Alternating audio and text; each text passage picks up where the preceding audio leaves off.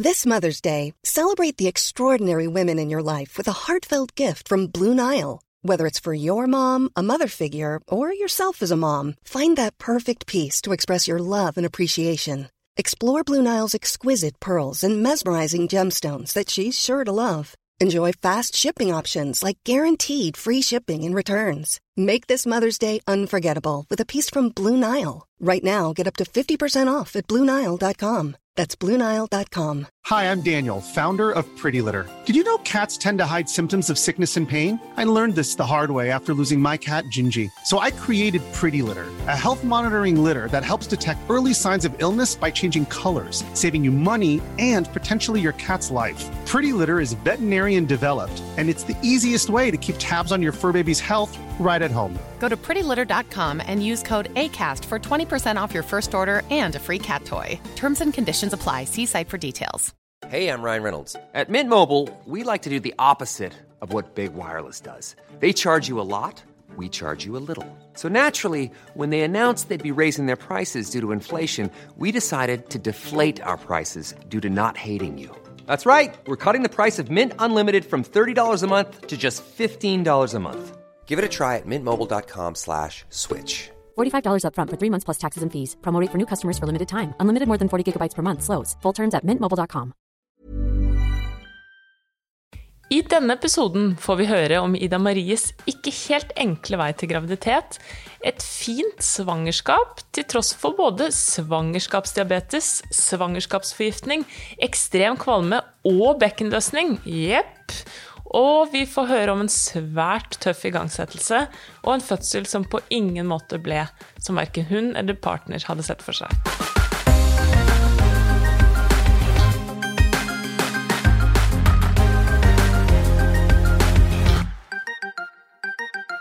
Hei og velkommen til en ny episode av Fødepodden. Jeg, Elise og Silje sitter her som vanlig med dagens gjest. Velkommen, Ida Marie. Hei, hei. Og jeg syns det er litt ekstra gøy å ha deg i studio, for vi gikk jo faktisk på samme barne- og ungdomsskole. Det gjorde vi. Ja, Oi, se her er Sigrid også med. Eh, og du, Ida Marie, tok jo kontakt med oss fordi at du eh, Ja, kanskje du kan si litt om det? Hvorfor du syns det var fint å kunne dele din historie? Ja. Eh, jeg hadde jo egentlig et ganske eh, fint svangerskap eh, etter mine egne øyne, på en måte. Mm. Selv med svangerskapsdiabetes og svangerskapsforgiftning. Jeg elsket jo egentlig å gå gravid. Og så endte jeg opp med det jeg kanskje har prosessert meg fram til som en ganske tøff fødsel. Og det jeg gjerne vil gjøre, er på en måte å dele dette med andre som enten eh, potensielt gå, kommer til å gå gjennom det, eller som har gått gjennom det, for å liksom si at eh, ok, det er flere av oss der ute, da. Og det er greit å ikke synes at fødselen var dritkul. Og det vet jeg mange ikke synes, men, men liksom kjenne på at det er, litt, det er litt ekstra tøft, da. Jo, jo, men det er jo det vi har sagt mange ganger her i podkasten også, at for oss i hvert fall, så kjenner vi på et ansvar for å romme begge deler, ikke sant? Både de som syns det er fantastisk å føde, og som går ut med en kjempegod fødselsopplevelse, eh, men også de mange, mange som ikke gjør det. Og det er jo nettopp fordi at eh, man kan føle seg litt skuffet og mislykket hvis man ikke følte seg kjemperå og sterk og alt det der. Så det, det setter vi pris på, da, at du ville komme og dele. Og så har jeg skjønt at det, veien til eh, graviditet og fødsel var heller ikke sånn superenkel for deg. Kanskje vi skal starte eh, der, da? Ja. Em, jeg kan jo egentlig håpe jeg begynne helt på, på starten. Ja, Da du ble født. Ja. Nei, men um, det var vel sommeren 2020 hvor eh, mannen min og jeg tenkte sånn Nå, nå, nå kan vi bli en til. Ja. Nå er det greit. Eh, og da, ja, da slutter man jo på prevensjon og sånn. Og jeg ble jo egentlig gravid med en gang. Oi! Um, men da eh, spontanaborterte veldig tidlig. Ja. Hva er veldig tidlig? Altså så tidlig at jeg så vidt rakk å få en positiv test. okay. Nesten. Så det var ikke En sånn kjemisk graviditet, Ja, som man kaller det. det var nok ja. det det var. Men man rakk å bli litt spent. Litt spent. Og man har ofte ikke hørt om det. Altså sånn, Hvis man ikke har vært i gamet litt, så aner man jo ikke at Oi, det går an å få positiv test, og så plutselig er den negativ, og man begynner å blø noen dager senere. Jeg tror ikke folk går rundt og er veldig klar over det. I hvert fall ikke det kjemisk graviditet-begrepet, eh, som du og jeg kaller streifer. altså at den er Ja. så vidt innom livmorveggen. Og Ja, for jeg tror man man, kaller det vel kjemisk graviditet fordi det er ikke noe man rekker å se på uh, ultralyd. Nei. Så det eneste håper på å si, beviset på at man har vært gravid, er jo da den lille mengden HCG man har hatt i blodet, da, som har vist seg på, eller gitt en positiv test. Ja. Og det var jo Jeg syns jo Altså, det var jo liksom litt, litt tungt, men ikke noe man Da tenkte jeg sånn, ok, greit, men da kan man bli gravid, da. Eh, Og så gikk det jo noen måneder hvor det ikke eh, Altså ikke var noe positiv test. Jeg eh, ble en sånn teste... Testoman. Test, ja, virkelig. Altså, det, ja, det var nesten komisk Ja, nå ja. å se tilbake på det. Sånn eggløsningstester og sånt eh, også. Alt. Ja. Alle Alt. tester. Hele tiden. Ja. ja. Ja, for hvor lang tid gikk det da fra den første kjemiske til neste graviditet? Eh, Det gikk vel tre måneder, tror jeg det var. Ja, Og det skal jo ikke mer til før man er sertifisert testoman. Virkelig ikke. Og det, det ble jeg absolutt. Um, og så ble jeg gravid igjen. Mm. Og det syns jeg var superstas. Da Ja. fikk jeg jo liksom Da var jeg glad. Da Mm. gledet jeg meg Ja. over det. Men det er lett å si ettertid, da, at jeg følte at det var noe som ikke var helt på stell. Ja. Jeg ble liksom Jeg var kvalm, men jeg ble ikke sånn kjempekvalm. Nei. okay. Um, så jeg bestilte en tidlig ultralyd. Um, det var liksom akkurat som noe liksom bak i hodet mitt sa liksom at det, det her kommer ikke til å gå veien. Fortalte dere det til folk og sånn da? Nei, Nei. det holdt det hemmelig. Ja. Eller jeg sa det vel kanskje til en venninne, eller noe sånt. Og så tror jeg det var i uke åtte jeg dro på en sånn tidlig ultralyd. Og da viste det at um, jeg var gravid, um, men det var ikke noe foster der. Så såkalt sånn blighted ovum, Ja. ja. som jeg da fikk lære hva var. Ikke det har man jo ikke hørt om. Nei, nei. Fortell gjerne om det, hvis det er Ja, andre som ikke har hørt om eh, det. det er vel at eh, alt vokser som det skal, altså fostersekk og alt sånt, men det er ikke noe foster til stede. Og veldig man- ofte så blir man jo kvalm og får liksom disse graviditetssymptomene. Bare at det ikke ja, Ja, man vokser noe lite barn inni der. får positiv test og alt sånn, ikke sant? Men at man, det bare er ikke noe foster, nei. Ja, så det var jo, da raste hele verden min sammen. Ja. Det gjorde det. Um, Var du alene på den, eller? nei, mannen min fikk være med. Ja, så um, så det var vel akkurat i det sjiktet under korona hvor det liksom gikk an å være to. Ja. Um, og det var, ja, det var innmari tøft. Hvordan var det å få den beskjeden? Hvordan var det vedkommende sa det? Altså, jeg lurer litt på hvordan man forteller eh, noen som virkelig ønsker et barn, at det er ikke noe her. Ja, de, de var liksom fram og tilbake først, om det Ja. kunne være jeg var kortere på vei Ja. enn det jeg trodde. Men jeg skjønte jo liksom at det var jo ikke noe.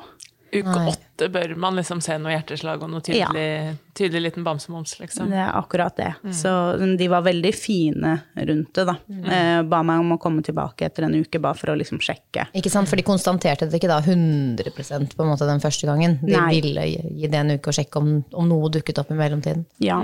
Og så kunne du ha vært kortere på vei enn du trodde, men du hadde jo tatt eggløsningstest. Du visste vel ganske nøyaktig hvor langt det var på vei. når det var Ja. Okay. Ja. Så det var jo ikke noe håp eh, fra min side, da. Um, og jeg tok jo blodprøver for å sjekke HCG-nivåene, og de var jo helt like. Ja. Ja, Um, de hadde stagnert. Mm. Altså de verken sank av seg selv eller steg, da. Ja. De var helt på, på stedet hvil, og de var jo ikke høye nok Nei. heller til at jeg skulle være så langt på vei, da. Uh, For man setter seg virkelig inn i dette når man går gjennom noe sånt, da. Så da prøver man å finne alle mulige egentlig forklaringer da, på om det kan være noe. Og det var det jo da ikke. Nei. Og det på en måte var jo tungt i seg selv å skjønne at det ikke var noe barn der. Um, men det som kom etterpå, var vel egentlig enda verre. Ja, hva skjedde da? Nei, jeg ble bedt om å liksom la naturen gå sin gang, og at vi ikke skulle liksom ta noen piller for å bli kvitt det. Mm. Det er litt overraskende Ja, det. Den har kommet jeg så langt. Jeg trodde sånn Mr. Borsen i uke åtte, da var det nesten alltid snakk om piller, men det var ikke det, nei. Nei. Nei, og jeg syns jeg hører ganske ofte om at sånn, ja, sånn gravid uten foster, at det eh, er du nødt til å ta altså, For kroppen har jo åpenbart ikke skjønt fram til nå at den skal kvitte seg med på en måte Ja, nei, det tok jo sin tid. Um, det gikk vel to uker, så begynte jeg å blø eh, hjemme. ja. Og, og, Og da skal man gå og vente med dette fosteranlegget inni seg, og det er ganske brutalt, da. Ja, og det var ganske heftig også, de smertene hjemme. Mm. I hvert fall når man Du vet jo ikke når de kommer. Nei, Uh, og ja, altså det er jo en form for rier. det er jo det. Um, det er overraskende mye som skal ut, Mm. med tanke på at det er, man er så kort på vei, da. Mm. Så jeg holdt jo på Altså, det var liksom en kveld som var sånn skikkelig, skikkelig ille, og jeg tenkte sånn, ok, nå, nå må det være ute. Det var det ikke. Fikk Nei. du med deg Du fikk ikke noe type smertestillende eller sånne ting med før? Nei. Ikke, ble ikke henvist videre til sykehus eller noen ting. Ser jo i retrospekt at jeg også kunne stått litt mer på krava selv, men jeg, når en helsepersonell sier til meg du bør la det gå naturen sin gang, da lytter jo jeg, for da tenker jeg ok, det vil kanskje gjøre at jeg kan bli gravid fortere igjen. Ja. Mm. Mm, ikke sant. Og så- men du sier at du trodde da alt var ute etter den veldig vonde kvelden, men det var det ikke. Hvordan merket du det da? Du bare stoppet ikke å blø da, eller? Jeg blødde av og på i nesten fire måneder. Å, Hva? Mm. Oi! Så jeg dro inn for å ha andre private ultralyder, og da var det liksom såpass lite igjen Ja. at man liksom tenkte at det kom til å komme Ja. ut av seg selv, da. Oh, Eh, og det var mye smerter, altså. Mye, Nei, nei, ja, nei. Og hvor nei. lang tid skal man liksom la det gå, da? Før man får de der pillene, eller hva som Altfor lang. Eller utskraping, eller hva. Ja. Ja, Altså, for hva endte det med, da? det endte med piller, da. Ja. Um, Etter fire måneder. ja, for det var, jeg tror det var i midten av april, da. Mm. Da ble jeg henvist til Ahus. Og da fikk jeg først Ja, da måtte jeg først inn på en kontroll for å se at det faktisk var rester. Mm. Og så fikk jeg piller, og så skjedde ingenting. Og så var det tilbake igjen, for da fikk jeg beskjed om at jeg skulle få utskrapning. Mm. Eh, det hadde de ikke tid til. Å, Så det fikk jeg ikke da. Så da fikk jeg en ny runde med piller, og fikk beskjed om å komme tilbake da uka etter igjen. fy søren. Altså, og mens Ja, dette er her helt- pågår, så altså, ukene og dagene går jo, og Det er det, det barneønsket må vi Ja. heller ikke glemme her, da. Nei. Ikke sant? Og det er så fort å snakke om altså, tallet tre og tallet fire. Er så, det er så små tall, men det er i, vi snakker i måneder her. Og det er en periode av livet i hvert fall, hvor jeg husker at jeg tenkte på dette hver dag. Mange timer hver dag. Ja, nå har ikke du hatt sånn eggløsning på i hvert fall et halvt år, du da? Nei. Ja, ikke sant? Og jeg trodde jo Jeg tenkte jo sånn hele tiden Ja, men nå Kanskje det er eggløsningssmerter. Ja. Kanskje det er det. Ja. Kanskje jeg egentlig er gravid. Og så tok jeg jo tester, og de var jo positive. Å ja, selvfølgelig. Å, nei, fy søren. Men eh, ja, til slutt, etter to runder da med piller, ja. da kom det siste ut. Så bra. Og da, ja Altså, man får jo ikke noe oppfølging eh, av Ahus. Man får jo ikke noe oppfølging egentlig uansett hvilken instans. Jeg har vært innom fastlege, privat gynekolog, Ahus. Det er ingen, det er absolutt ingen psykisk oppfølging.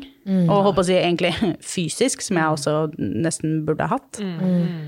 Um, Det er ikke noe rutine for det, liksom. Det er ikke noe Du kan ha flaks kanskje å møte en som nevner eh, Kanskje det lønner seg å snakke med disse, eller Men ja, det er ikke noe, stand, det er ikke noe standardisert opplegg. nei. Og Følte du at du hadde hatt behov for å prate med noen på dette tidspunktet her? absolutt. Ja. 100 Og særlig når jeg da ble gravid igjen. Ja, For hvor lang tid tok det da for kroppen å liksom komme tilbake til en syklus og sånn? Eh, Det gikk fem uker, så var jeg gravid. Åh, ok. Det går fort eh, Det å var bli jo gravid, enda godt ja, at men det eh, Ja, ikke sant? Ja. Mm. For da ble du redd, da. ja. Og jeg hadde jo blødd litt i starten av svangerskapet. Oh, ja. Ja. Jeg lurer på om det var Altså, det var vanskelig for meg å vite hvor langt jeg var på vei også. For jeg hadde jo ingen menstruasjon. Nei, for da visste du jo ikke, selvfølgelig. Nei. Så jeg ante jo, For da hadde jeg bestemt meg for at jeg skulle ikke teste noe, da. Åh, Ja. Hva var grunnen til det? Fordi du følte det liksom tok over litt, eller? ja, Ja. det ble altoppslukende. Og også fordi jeg ante jo ikke når jeg skulle teste.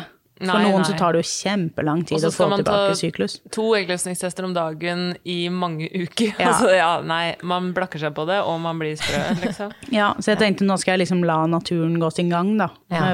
Litt, ja, på en måte. Mm. Og så var det bare sånn, jeg bare tenkte sånn, nei, jeg bare tar en test, da. Ja. Kjenner at noe er liksom, Ja. jeg vet ikke hva det er. Det var bare egentlig magefølelse. Ja. Og den var jo eh, rett. så det var jo veldig gøy. Ja. Men det liksom, det var sånn, yay, Oi. Ja. Ja, for da kom bekymringene. Og, ja, ikke sant. Og så blødde du litt i starten, som Ja. jo er kjempevanlig, men det er fryktelig å blø når man er gravid, uansett hvor, eh, hvor mange som opplever det, og det går helt fint. For når du har hatt på repertoaret at du er blødd av og på i fire måneder, det, er liksom, det Ja, ja, ja. forbindes jo bare med noe negativt. Men, eh, men hvordan var det videre da i dette svangerskapet? Ble du mer kvalm enn det du ble første gangen? Om jeg ble. Ja. Det, jeg tror det var når jeg For jeg dro på en tidlig ultralyd. Ti, Ja. Tidlig, tidlig, tidlig. Altså fem pluss to eller noe sånt. Ja. Men da kunne de jo se at det i hvert fall var noe der. Ja. Eh, Så det var betryggende. Jeg tror idet jeg gikk inn i uke seks, så bare den morgenen bare, wow, Nei, nei. Da kom Å, kvalmen. Gud, jeg savner ikke. Og da skulle jeg ta sånne mm, HCG-tester, bare for å liksom følge med. Så jeg husker jeg måtte inn på Fyrst med, på Majorstua Ja. med eh, ansiktsmaske, altså med munnbind, heter det. ja. Vi har allerede glemt hva det heter. Det, det er positivt. Og stå der, og det var så lang kø. Åh, Og jeg tenkte bare sånn, det her går ikke, det går ikke, det går ikke. Jeg klarer ikke det her. Nei, nei, nei. Og da, jeg visste jo ikke hvordan så overveldende kvalme skulle være. nei. Og det ble, og nei, jeg bare husker det som et sånn øyeblikk som bare var helt, helt forferdelig. Oh, ja. Ja. Men altså, det gikk jo opp og ned, og de dagene jeg var mindre kvalm, så hadde jeg jo fullstendig panikk. Ikke sant. Da tenkte jeg liksom, ja ja, here we go again, Ja. på en måte. Men Var du eh, på mange ultralyder for å liksom sjekke at ting var i orden, eller? Ja, ja, ja, jeg var for så vidt det. Jeg var på en i uke seks, bare for å se eh, hjerteslag. Det fikk vi se. Og så var jeg på en i uke tolv. Ja. Og så gikk kvalmen over etter hvert, eller eh, hvordan ble det med den? Den gikk vel over i uke 20. Åh, det Ja, var så halvveis inn lenge. i hele opplegget. Ja. Åh, og så var det noen andre utfordringer som meldte seg, har jeg skjønt? Ja, eh, man tar jo den der glukosebelastningstesten, og der er det vel, du skal vel være under ni, tror jeg det er, når man har eh, drukket denne nydelige sukkerlaken. Ja. Ja. Folk liker ikke den der, jeg syns det var dritnice, jeg. Nei, Åh, Silje. jo, sukker rett inn i blodårene. Mm. Så digg. Nei, den syns jeg var fæl. Men det var fint at det var litt smak på den, da, i hvert fall. Ja. Det var litt bedre. Eh, så jeg hadde 9,1. Nei. Åh, Rett og det er virkelig bare sånn Wow. Det kan være bare en tilfeldig målefeil, liksom, og så er man rett over. Ja. Og da settes jo i gang en sånn der eh, bøtteballett. Eh, Da er det Jeg ble henvist til noen sånn diabetessamtale på Ahus. Der ble jeg aldri kalt inn. Fordi det, det trengs ikke når du har så lave, Nei, okay. lave verdier, da fikk jeg beskjed om fra jordmor. Eh, og så blir man jo satt opp på en god del ekstra ultralyder. Det er jo koselig, da. Ja, det var, jeg, for min del var jo det Jeg tror kanskje egentlig det var det som gjorde at jeg roa meg ned. Ja. For jeg hadde jo nesten Jeg hadde i hvert fall ultralyd en gang i måneden. Ja. Ikke Ut sant. svangerskapet. Og det var på Ahus du skulle føde? Ja. Um, og da måtte jeg jo stikke meg i fingeren, da. Jeg tror det var tre ganger hver dag. Eller jeg måtte følge med tre ganger, det var både det før og etter jeg spiste. Så jeg kostregulerte det. Var ekstremt streng med meg selv. Endte opp med å gå ned en del i vekt. I svangerskapet? Ja, Wow. men, men det var for så vidt, eh, for så vidt greit, det. Eh, De sa liksom ikke noe på, på det. Nei. Men, Så lenge man spiste sunt og liksom ja, Ja. fikk i seg nok næring. Ja. men det ble jo liksom et sånn ekstra stressmoment som jeg liksom merker liksom tok over veldig, da. Ja, det skjønner jeg så godt. Det er jo vanskelig, eller jeg syns det var veldig stress med bare vanlige kostholdsregler, og jeg var livredd for å spise noe feil. Og så man, ja, det fordobles jo sikkert, eh, den der eh, litt sånn frykten, eller åh, jeg må gjøre det riktig, eller altså det kontrollbehovet. Hvordan var det liksom når det nærmet seg fødsel og sånn? Hva slags form var du i da? Jeg hadde jo en god del sånn bekkenleddsmerter. Um, Eller bekkenløsning, Ja. kan man kalle det. Det var, det var veldig vondt. Jeg, var, jeg satt på sofaen hele tiden, føler jeg. Eh, For jeg orka ikke Altså, jeg kunne gå en liten tur på kanskje liksom en kilometer, men det, det, det ble rett og slett for vondt, da. Ja. Ja. Um, Men hva slags tanker hadde du om fødsel, da? jeg var spent mm, og redd. Ja, Spent og redd? Ja. litt fordi um, jeg hadde jo kjent på Altså ikke samme type smerte, Ja, selvfølgelig. men lignende. ja. Uh, Disse vonde riesmertene Altså det er jo, som du sier, en form for rier Mm. når man skal få ut det bitte lille fosteret også, eller fosteranlegget. ja. Så jeg tror det var liksom en nesten liten form for frykt. Ja. Men så hadde jeg liksom bestemt meg for at eh, ok, greit, jeg skal bruke liksom de siste ukene på å liksom forberede meg. Hvordan gjorde du det, da? Eh, nei, nå fikk jeg jo ikke gjort det da, siden jeg fødte tre uker før tiden også. Eh, men, men jeg så jo en del sånne Det ble jo bare videoer eh, på nett ja. måte, av ulike sykehus som hadde liksom vise sånn Dette er latensfasen, dette er sånn Ja. og sånn. Og, og det syns jeg egentlig var ganske greit. Så jeg følte liksom jeg hadde gjort meg noen tanker rundt det. Og så hadde jeg liksom tenkt at nå skal jeg liksom sette inn støtet og gjøre meg skikkelig forberedt. Og så fikk jeg ikke gjort det. Det var akkurat sånn jeg hadde det i første, første fødsel. Og nå skal jeg begynne å øve på pusting. Eh, nei, der gikk vannet, ja. Ja. Rakk liksom aldri det. Det er lurt å være litt tidlig ute da, kanskje. Det kommer jeg til å være hvis det blir et barn til. Ja, ikke sant. 100 Så da, hva skjedde tre uker før eh, termin, da? Da eh, var jeg på en kontroll hos jordmor, eh, for jeg hadde hatt litt hyppigere kontroller pga. at jeg hadde litt høyt blodtrykk. Eh, så de var redde for svangerskapsforgiftning. Ja, det også, ja. Både svangerskapsdiabetes og frykt for svangerskapsforgiftning. Ja. Så var blodtrykket høyt, da. Jeg hadde akkurat rukket å spørre sånn Ok, hva skjer hvis man blir igangsatt? Ja. Kan du bare gå gjennom det med meg? Ja. Og da fikk jeg liksom en sånn superkjapp innføring i liksom Ok, du har ballong, du har piller, du har ditten, du har datten, liksom. Og i hvert fall keisersnitt. Ok, for da sa hun det at eh, med Altså nå er det fare for at du blir igangsatt, eller Nei, hun, det var egentlig bare blodtrykket var litt høyt, så hun Ja. ringte Ahus. Og de ville da ha meg inn. Og så var det du som spurte på en måte hva skjer hvis jeg blir Ja. ja, Og det er jeg jo veldig glad for at jeg gjorde. ja. Jeg husker jordmoren min sa til meg nei, ikke ta med fødebagen, du trenger ikke det. Jeg tok den med. Og det var godt jeg gjorde det. Ok. Um, det her var en mandag, husker jeg. Og liksom jeg hadde starta uka så fint, og liksom masse liv i magen, og det var så kos, og så snudde det veldig, da. Og da ville de bare legge meg inn til observasjon.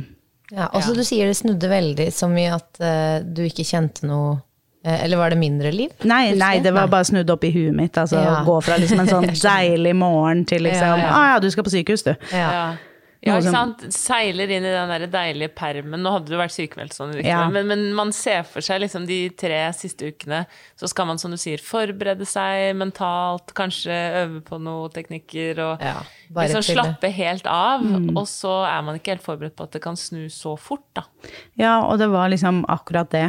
Det gjorde og jeg merket jo ikke, altså man merker jo ikke noe til høy, litt høyt blodtrykk. Nei, nei. Um, men så ble jeg jo innlagt, da, for det jeg kanskje tenkte var liksom en natt, bare for observasjon. Og så kom det en jordmor inn på morgenen og sa sånn Ja, det kan være du blir igangsatt i dag. Ok. Og jeg bare Hæ? Ja, for hvordan okay. var det da? For jeg tenker noen som har kommet til at det er tre uker igjen, da har man på en måte kommet til termin på en måte, ikke sant? Eh, eller i hvert fall at svangerskapet regnes som fullbyrdet og alt det der. Eh, noen vil jo da kanskje tenke litt sånn Å, håper jeg blir satt i gang, for jeg er veldig klar for å møte dette mennesket og alt det der. Eh, bli ferdig med å være gravid. Hvordan var du på det? Håpet du egentlig ikke å bli satt i gang, eller var det litt sånn Hva tenkte du om det? Altså, jeg ville jo egentlig bare hjem. Ja, um, ja.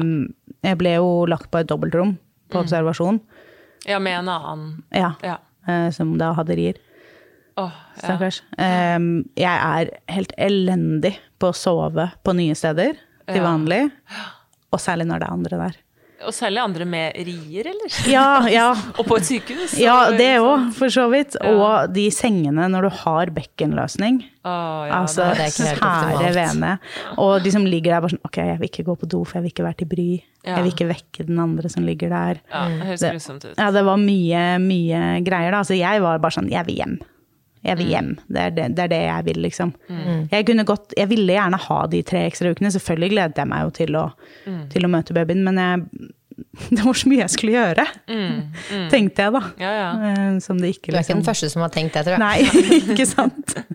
Det er noe med det. Mm. Men eh, ja, nei, så fikk jeg denne beskjeden om at jeg skulle bli igangsatt. Og da bare hele kroppen begynte liksom å riste. Jeg fikk en sånn skikkelig kroppslig reaksjon på det. Ja, Masse adrenalin. adrenalin, sikkert. Ja. Skikkelig, skikkelig ekkelt. Og det fortsatte jo for så vidt til etter jeg hadde født. Ja. Det er mange Ja. som skildrer det. Snakket ikke du også om det, Lise? At du hadde sånn risting eh, I hvert fall Under under fødselen. fødselen, Ja. så har jeg veldig mye sånn skjelving i beina og sånn. Syns det er fryktelig plagsomt. Og det er vel adrenalinet som Ja. jobber, ja. Ja. Nei, det er skikkelig, skikkelig ekkelt. Syns jeg i hvert fall. Ja, ja, helt enig. Og så tror jeg det gikk en halvtime før jeg fikk den beskjeden til bare sånn Ja, da skal du få en ballong, du. Oi. Ringte du da eh, kjæresten din på noe tidspunkt eh, her, da, eller? Eh, han var der hele Han var tiden. der, ja. Han, um, han tok seg fri fra jobb for Ja. å være der med meg bra. eh, i Man kunne vel være der mellom åtte og ni, da. Mm. Altså åtte på morgenen og ni på kvelden. Ja. Så det satte jeg jo ekstremt stor pris på. Jeg vet ikke om jeg hadde klart å, å gjøre Nei, dette alene, nei. Nesten. Det, det Så- ble så tungt, liksom. Ja. Eller bare tøft å være alene. Ja, Ja. definitivt. Fy søren. Ja, så da satte de den ballongen først, da. Mm. Eh, Hvordan responderte kroppen din på det? Jeg fikk vel litt murringer, da. Det var ikke, det var ikke noe å rope hurra for. Nei. Nei. Um, og det er jo Jeg vet jo at det er mange som ikke syns det er så vondt å sette den. Det syns jeg det var. Jeg syns det var ordentlig, ordentlig vondt mm. å sette den. Og veldig ekkelt å gå med den. Ja. Ehm, for det er liksom Henger liksom ut og teipa fast i låret, og, eh, og de bare Ja, det kan være du må gå med den her i 36 timer. Og jeg bare Hæ? Det Og det var lenge. Jeg visste ikke Ja. at man gikk med den så lenge. Nei, den kan visstnok sitte såpass lenge, og da, men da får man jo dra hjem da, med den. Ja. Eh, det fikk jo ikke jeg, Nei. eh, for da hadde jeg, da hadde jeg veldig høyt blodtrykk. Å ja. Ok. Ok, Så det var ikke ballongen som falt ut på noe tidspunkt? Det var Eh, jo, eh, det gjorde den for så vidt òg, Ja. eh, men, men det skjedde ingenting for det. Men, ja. Det var ikke noe mer åpning. Men er det da en begynnende svangerskapsforgiftning? Ja, så de sa på en måte det at nå, nå har du det, og det er viktig at Eller ble de stressa av det på noen måte? Nei, Nei. nei. det virka som liksom ok, vi tar dette veldig rolig. Og, ja, De har prosedyre for det, liksom? Ja, og det var, um, det var jo en mild eh, svangerskapsforgiftning. Ja. Så, så det var liksom ikke noe hast for å få henne ut sånn med en gang. Nei. Men hadde du hatt noe særlig eh, liksom, Du sa murringer, eh, men hadde du hatt liksom det du vil kalle rier på dette tidspunktet, eller? Jeg t trodde kanskje det. Du hadde litt vondt? Eh, ja, jeg Ja. trodde jeg hadde vondt. Ja, Ja. jeg skjønner. I Jeg skjønner. retrospekt så hadde jeg ikke vondt. Nei. det var ingenting. Man vet jo ikke hva man går til. Eh, nei. Um, så jeg gjorde liksom alt det de sa, sånn jeg sitter på yogaballen og bruk tyngdekraften og holdt på og styrte. Men så skulle jeg begynne på disse pillene, da, som skal liksom modne ehm, liv, livmorhalsen eller noe, hvis jeg forsto det riktig. Ja, skape noe fremgang? Ja, og da er det vel 16 piller man kan ta totalt, med to timers mellomrom. Man får dem ikke på natten. Ok. Eh, Så jeg fikk én på kvelden, og da husker jeg sånn at mannen min var sånn Ja, men skal jeg dra, liksom? Hva hvis noe skjer? Ja. Og jeg også ble superstressa. Så de var bare sånn Nei, nei, men du, du har tid til å komme tilbake. For det Ja. tar jo en halvtime å kjøre. Ja, ja, ja. Og vi kjenner jo en som, hvor han nesten ikke rakk det, vi, på en måte. I litt sånn samme setting med igangsettelse og dette kommer til å ta noen døgn, og så Ja. plutselig Man vet jo ikke. Plutselig er man et, unnt- et unntak. Ja. Eh, det tok noen døgn, da. Ja. Han rakk å komme meg. Du visste ikke? Oh, ja. Nei, men jeg visste ikke på det tidspunktet. Nei. Så jeg fikk jo ja, én pille.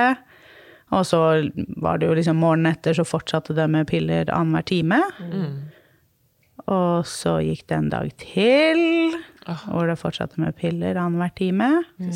Hvordan er man sånn For du nevnte jo det at du er vanskelig for å sove sånne steder. Jeg tipper at du ikke får sovet veldig mye her. og hvordan klarer man liksom å holde motivasjonen oppe? Man skal gjennom en fødsel, og så er det sånn her man lader opp, da.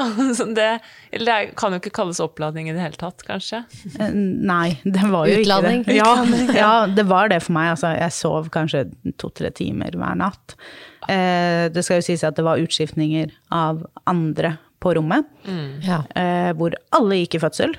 Ja, Tror det var seks personer innom i løpet av de fem dagene jeg lå der. Og så mange. Så, og de hadde jo selvfølgelig rie på natten. Noen kom jo inn på Mm. natten og ble lagt på observasjon. Noen ble jo tatt ut. Mm. Så det var jo liksom Plutselig var bare lyset på, eh, for de skulle gjøre klar en seng. Eh, det var liksom ikke noe privatliv, da. Um, Egentlig helt sinnssykt at det er da det du skal drive med noen dager før du skal føde! det er Går helt sjukt.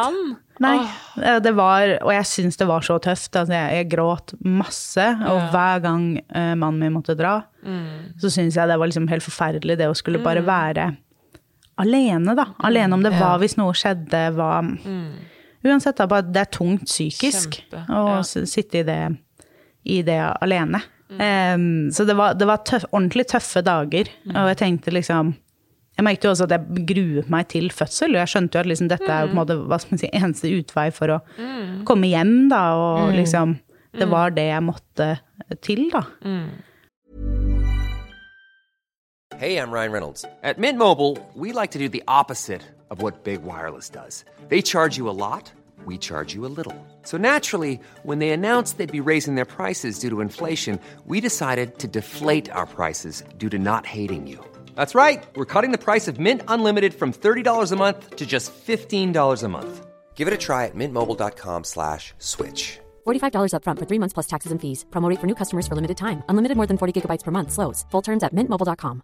I'm Sandra, and I'm just the professional your small business was looking for. But you didn't hire me because you didn't use LinkedIn jobs. LinkedIn has professionals you can't find anywhere else, including those who aren't actively looking for a new job but might be open to the perfect role, like me. In a given month, over 70% of LinkedIn users don't visit other leading job sites. So if you're not looking on LinkedIn, you'll miss out on great candidates like Sandra. Start hiring professionals like a professional. Post your free job on linkedin.com/people slash people today. Begynte um, du på noe tidspunkt da å tenke litt eh, jeg håper nesten at det blir keisersnitt, for jeg orker ikke Eller var det veldig fjernt? Det var måte? veldig fjernt. Ja. Og det følte jeg også hver gang jeg spurte sånn, ok, men hva er neste steg nå? Nei, da er det ikke sant, flere piller, eh, og så ok, ta vannet, og så nei, i hvert fall, i hvert fall så er det keisersnitt. Ja, det var liksom bare noe de mumlet i en Ja. bisetning, eller ja. Um, Hvor mange av disse tingene måtte du gjennom da? Ble det at de tok vann og sånne ting, eller? ja, Uh, det endte vel opp med at jeg, jeg f- ble strippet. Um, dette var vel da torsdag ettermiddag. Og jeg husker det var jordmor som kom inn og sa, jeg skal få deg i fødsel. Okay. uh, det skjedde ikke. Eh, Så jeg ble strippet. Eh, Det var vondt, Ja. uh, vil jeg si. Eller var ubehagelig. Det var bare smerte som varte der og da. Så det gikk liksom greit. Det skjedde ingenting, men jeg fikk beskjed om at da fredag morgen da skulle jeg få komme på føden. Hvis ikke noe skjedde, da. Ja. Eh, For da hadde jeg fått alle disse 16 pillene. Ja. Så det var på en måte ikke noe mer å gi. Neste steg var å ta vannet, da. ja, og da er man på føden når man gjør det, ja. Ja. ja skjønner. Um, og da uh, kom fredag morgen, da var det ikke noe ledig fødestue, og jeg venta og venta og venta, gikk i gangene på huset gikk og kjøpte meg en kopp kaffe. og Gikk og gikk og gikk og gikk. Um, Var du alene da? nei, da Nei. var mannen min der Ja, også. Ehm, men så gikk liksom timene, og så skulle de bare gjøre en undersøkelse da før jeg skulle få komme på føden. Da. Mm. Men da hadde jeg jo fortsatt bare 1-2 cm åpning. Mm. Um, og da sa de at nei, men da kan vi ikke ta vannet.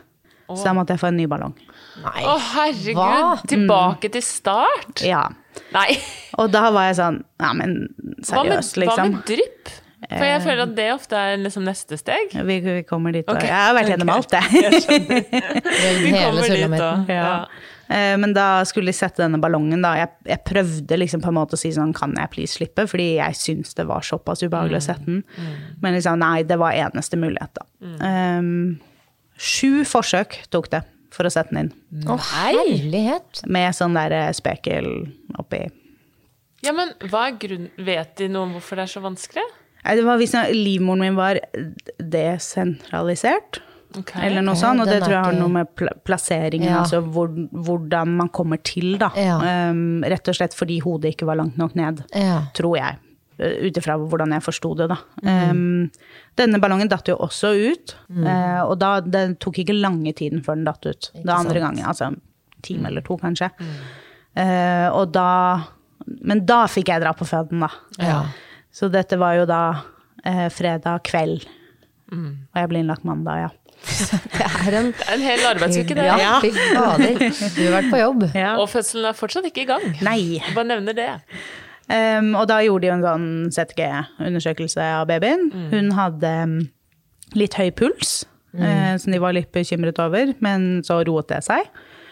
Og så tok de vannet, da. Ja. Da husker jeg de måtte kalle på en eh, lege med lange fingre.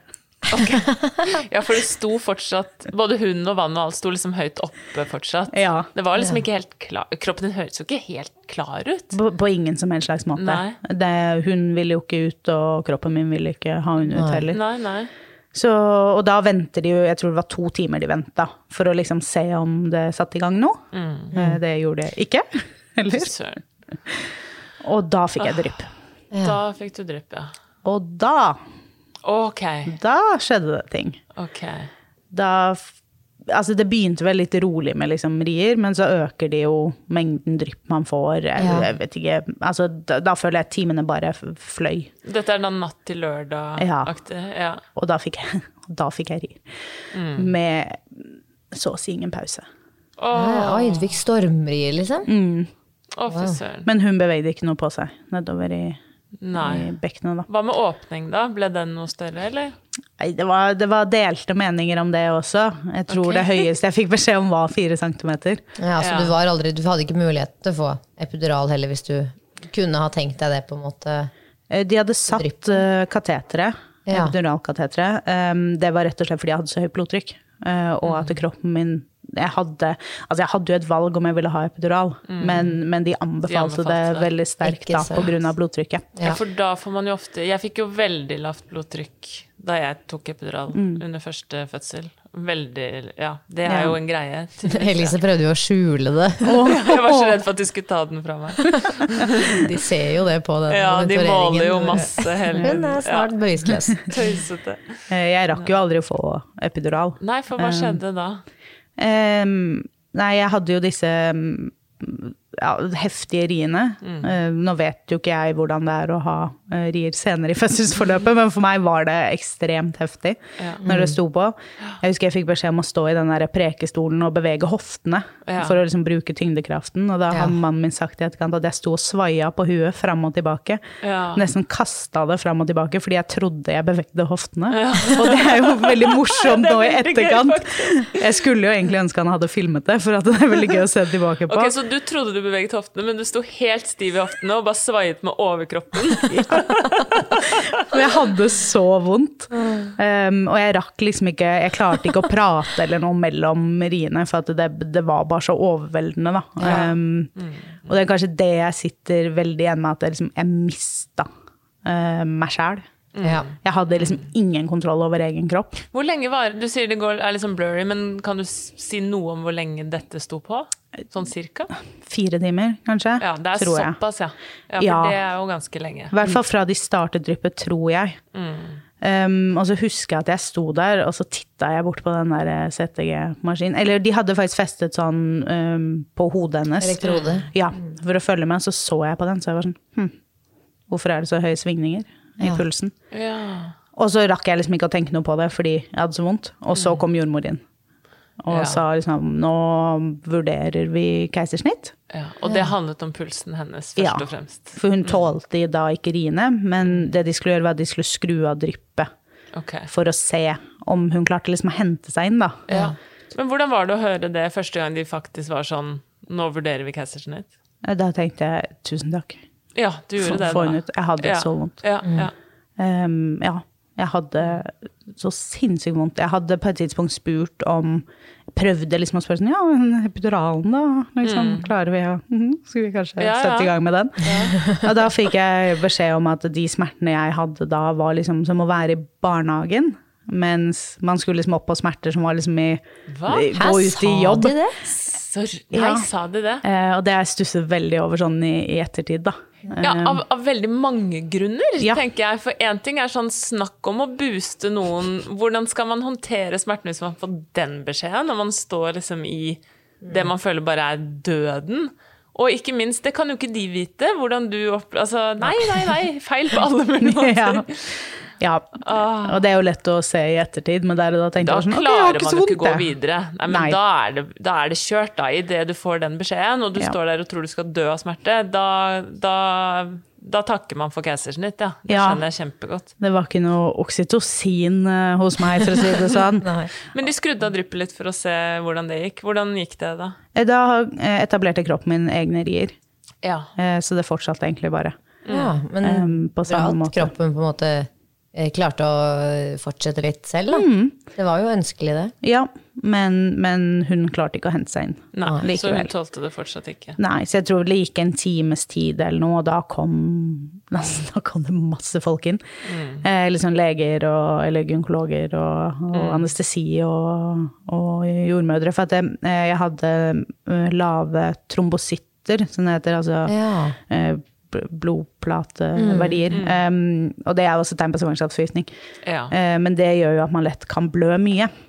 Ja. Og derfor måtte de, de kunne ikke belage seg på en prøve som var to timer gammel.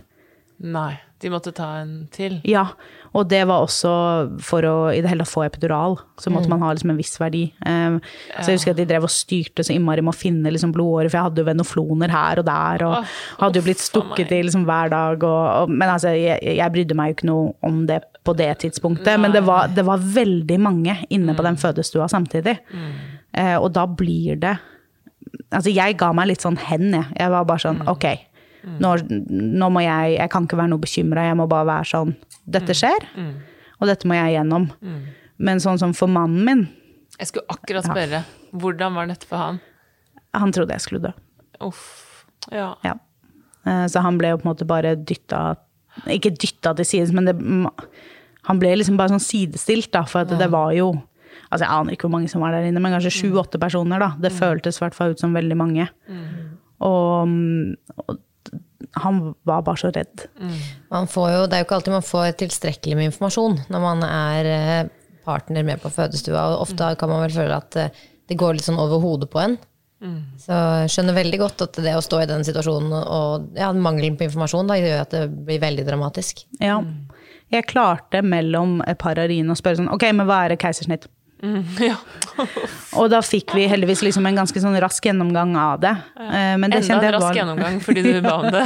ja. Men det var ganske sånn deilig at liksom sånn, da hadde jeg hodet litt mer over vann. Um, og så husker jeg at de sa sånn, ok, det blir det grad tre uh, keisersnitt. Og jeg tenkte sånn, ok, tre av tre, uff, dette er vel ikke bra.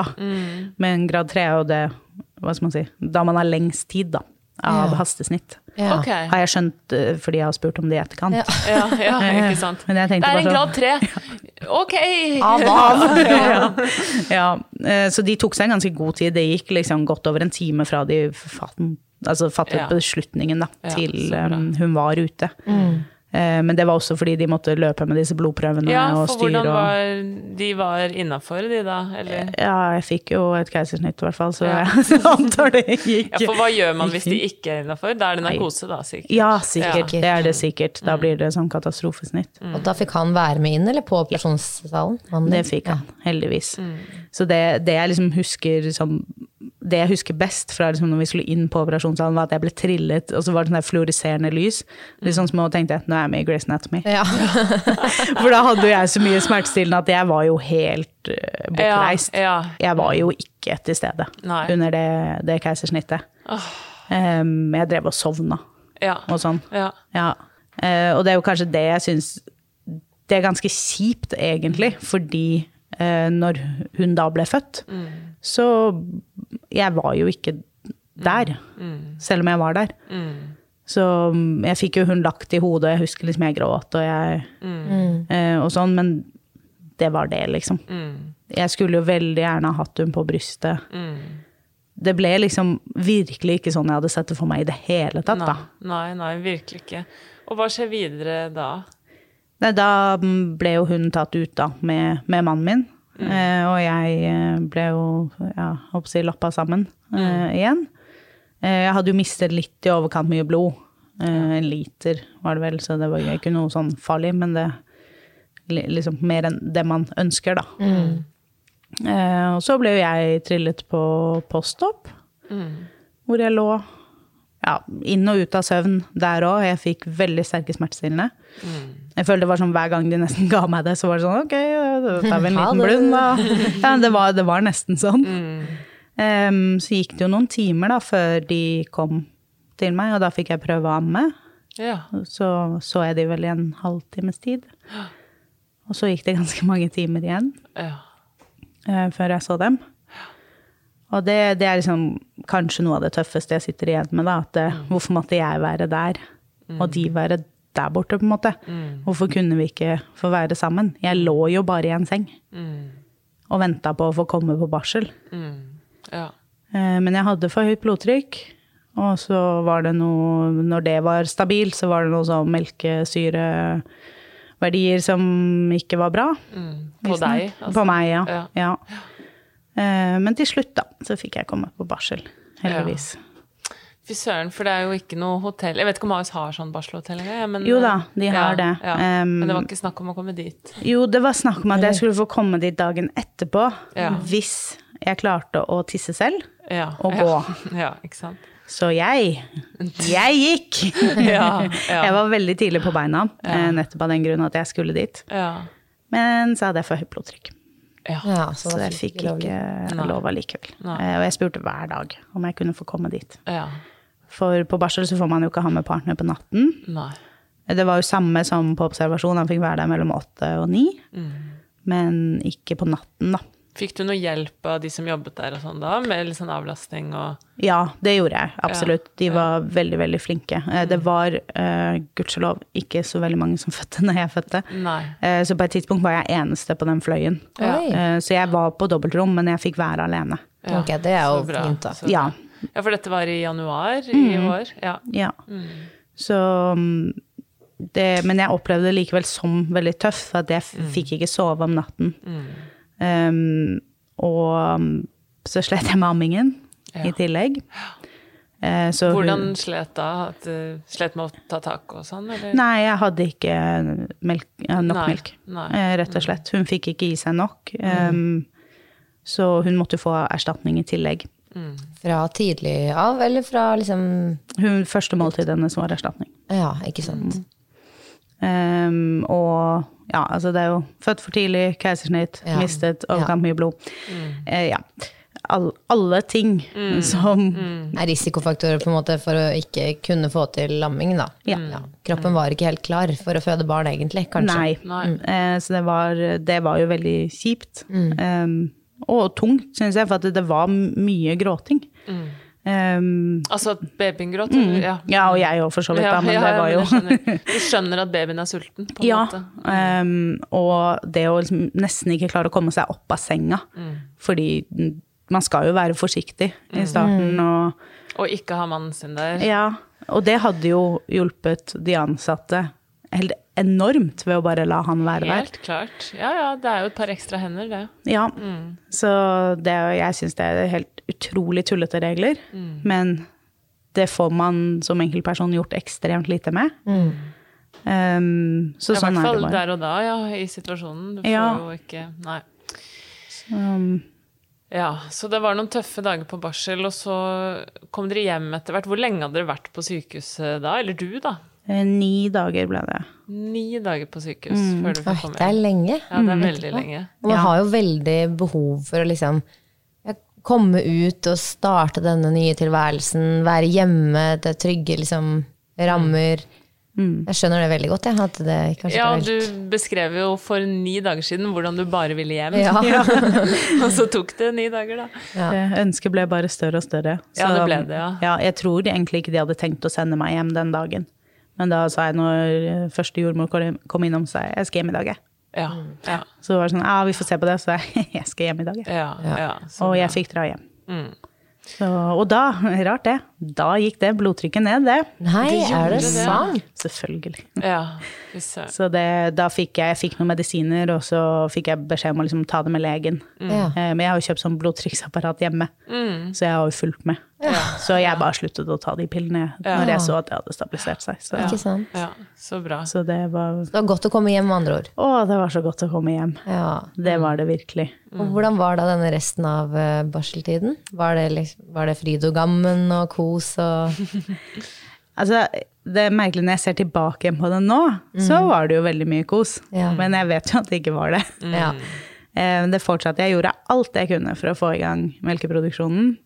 Altså, jeg drakk til og med noe sånn derre havregreier som du skulle blande ut i vann. Og det, altså, det smakte så vondt. Alle mulige Sånn kjerringer. type Ja, ja. ammestimulerende drikke, liksom? Ja, og altså, jeg spiste bare havregrøt og ammete, og jeg pumpa og jeg powerpumpa. og Jeg, oh, ja.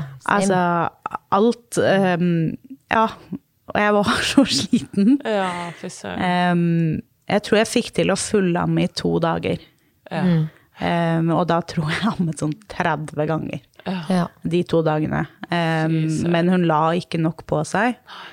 Jeg ser i ettertid at hun la nok kanskje liksom Det var ikke sånn at hun ikke gikk opp, Nei. men det var ikke ifølge disse Nei, nei. Hvor mye man bør strenge- gå opp, da. Ja, ikke sant. Uh, så da endte jeg opp med å gi liksom litt mer flaske, Mm. uh, hvor det til slutt bare ikke Hun blånekta.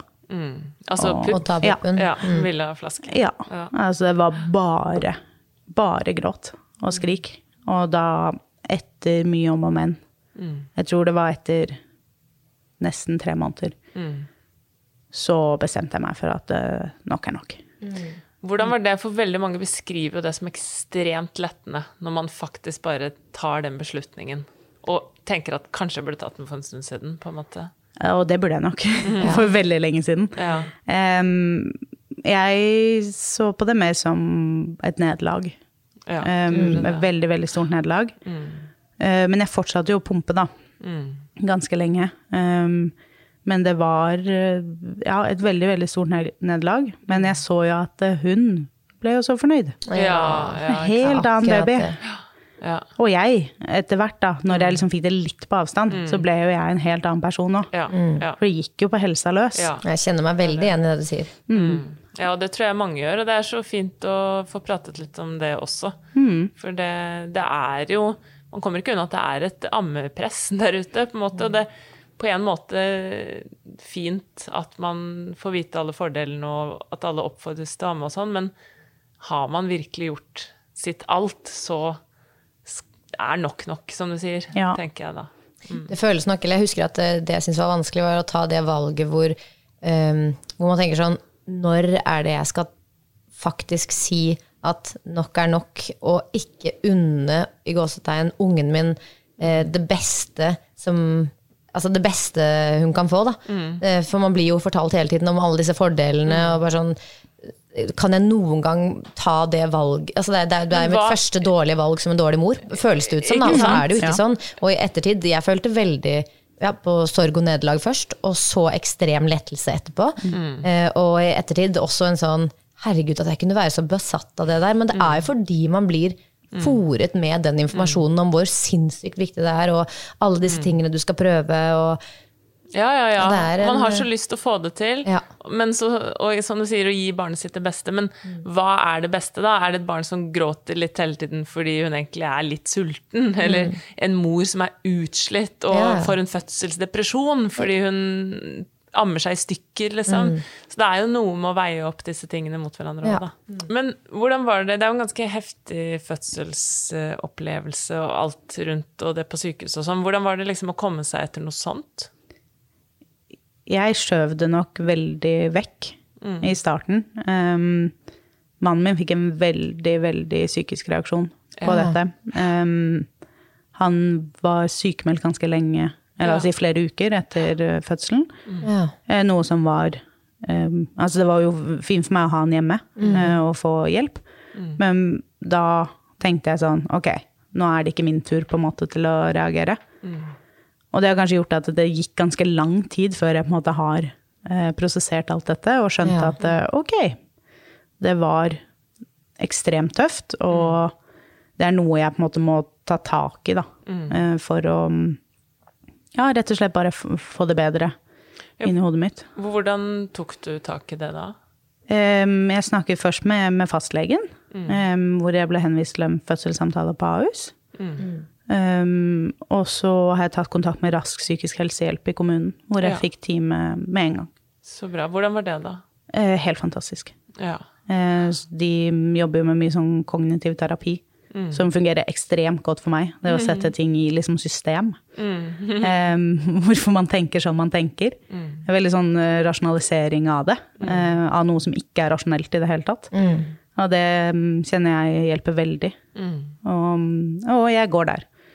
Eh, Fortsatt å få veldig, veldig god hjelp, og det, det syns jeg har hjulpet masse. Og bare det å prate om det sånn som her, da. Det hjelper mye å, ja, å prosessere det. Så egentlig fra kanskje sånn når hun var sånn fire måneder, så syns jeg det har gått veldig mye bedre med hva skal man si, dynamikken oss imellom.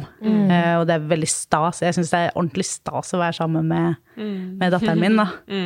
Eh, men så har jeg måtte, måtte jobbet med, em, med huet, da. Em, på andre måter, liksom. Ja. Ja, og ikke minst det interessante med Vi har jo tenkt på å lage liksom en, en partnerepisode her, da, hvor vi inviterer partner.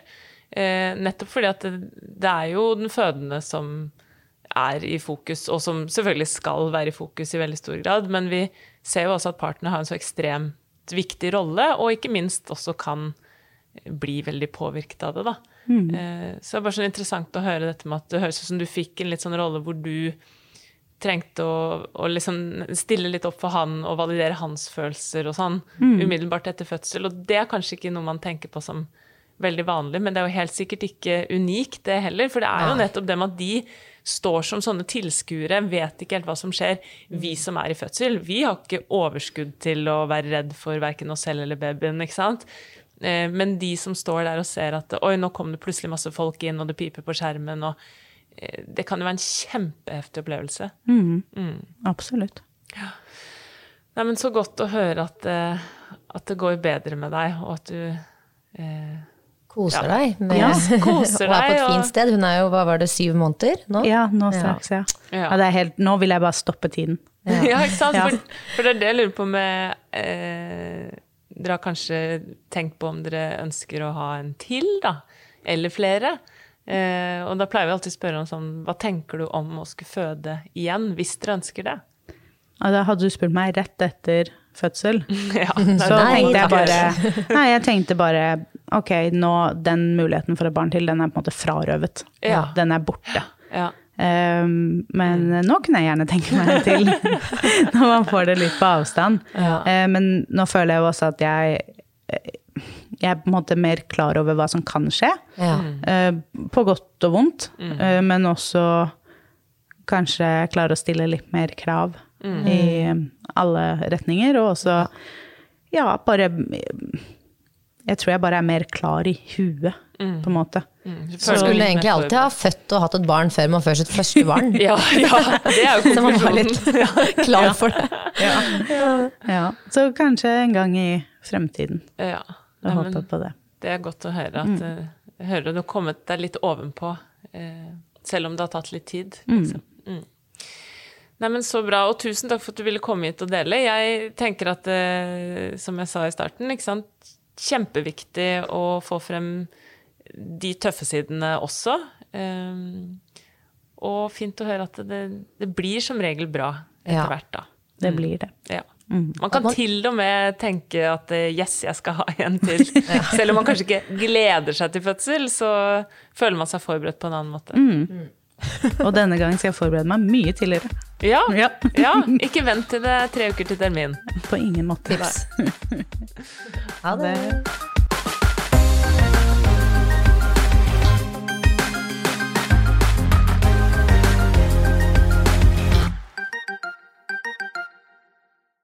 Hallo alle sammen! Jeg vil bare minne om at dere kan komme i kontakt med oss på Instagram, hvor vi heter at Fodepodden. Der legger vi ut så mange kule bilder og filmer av gjestene våre. Og i tillegg så kan dere nå komme i kontakt med meg på at kvinnehelse.psykolog, hvor kvinnehelse og psykologi møtes i en skjønn og evidensbasert forening. Stikk innom, da vel!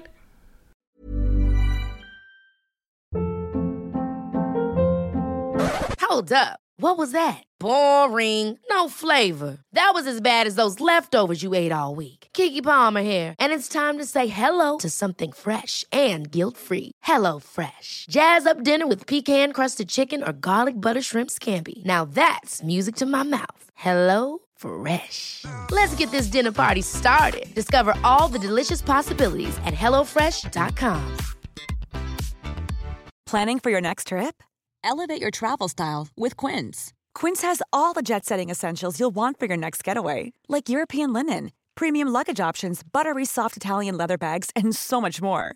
And is all priced at 50 to 80% less than similar brands. Plus, Quince only works with factories that use safe and ethical manufacturing practices. Pack your bags with high-quality essentials you'll be wearing for vacations to come with Quince. Go to quince.com/pack for free shipping and 365-day returns. Imagine the softest sheets you've ever felt. Now imagine them getting even softer over time. That's what you'll feel with Bowl and Branch's organic cotton sheets. In a recent customer survey, 96% replied that Bowl and Branch sheets get softer with every wash. Start getting your best night's sleep in these sheets that get softer and softer for years to come. Try their sheets with a 30-night guarantee. Plus, get 15% off your first order at bowlandbranch.com. Code BUTTERY. Exclusions apply. See site for details.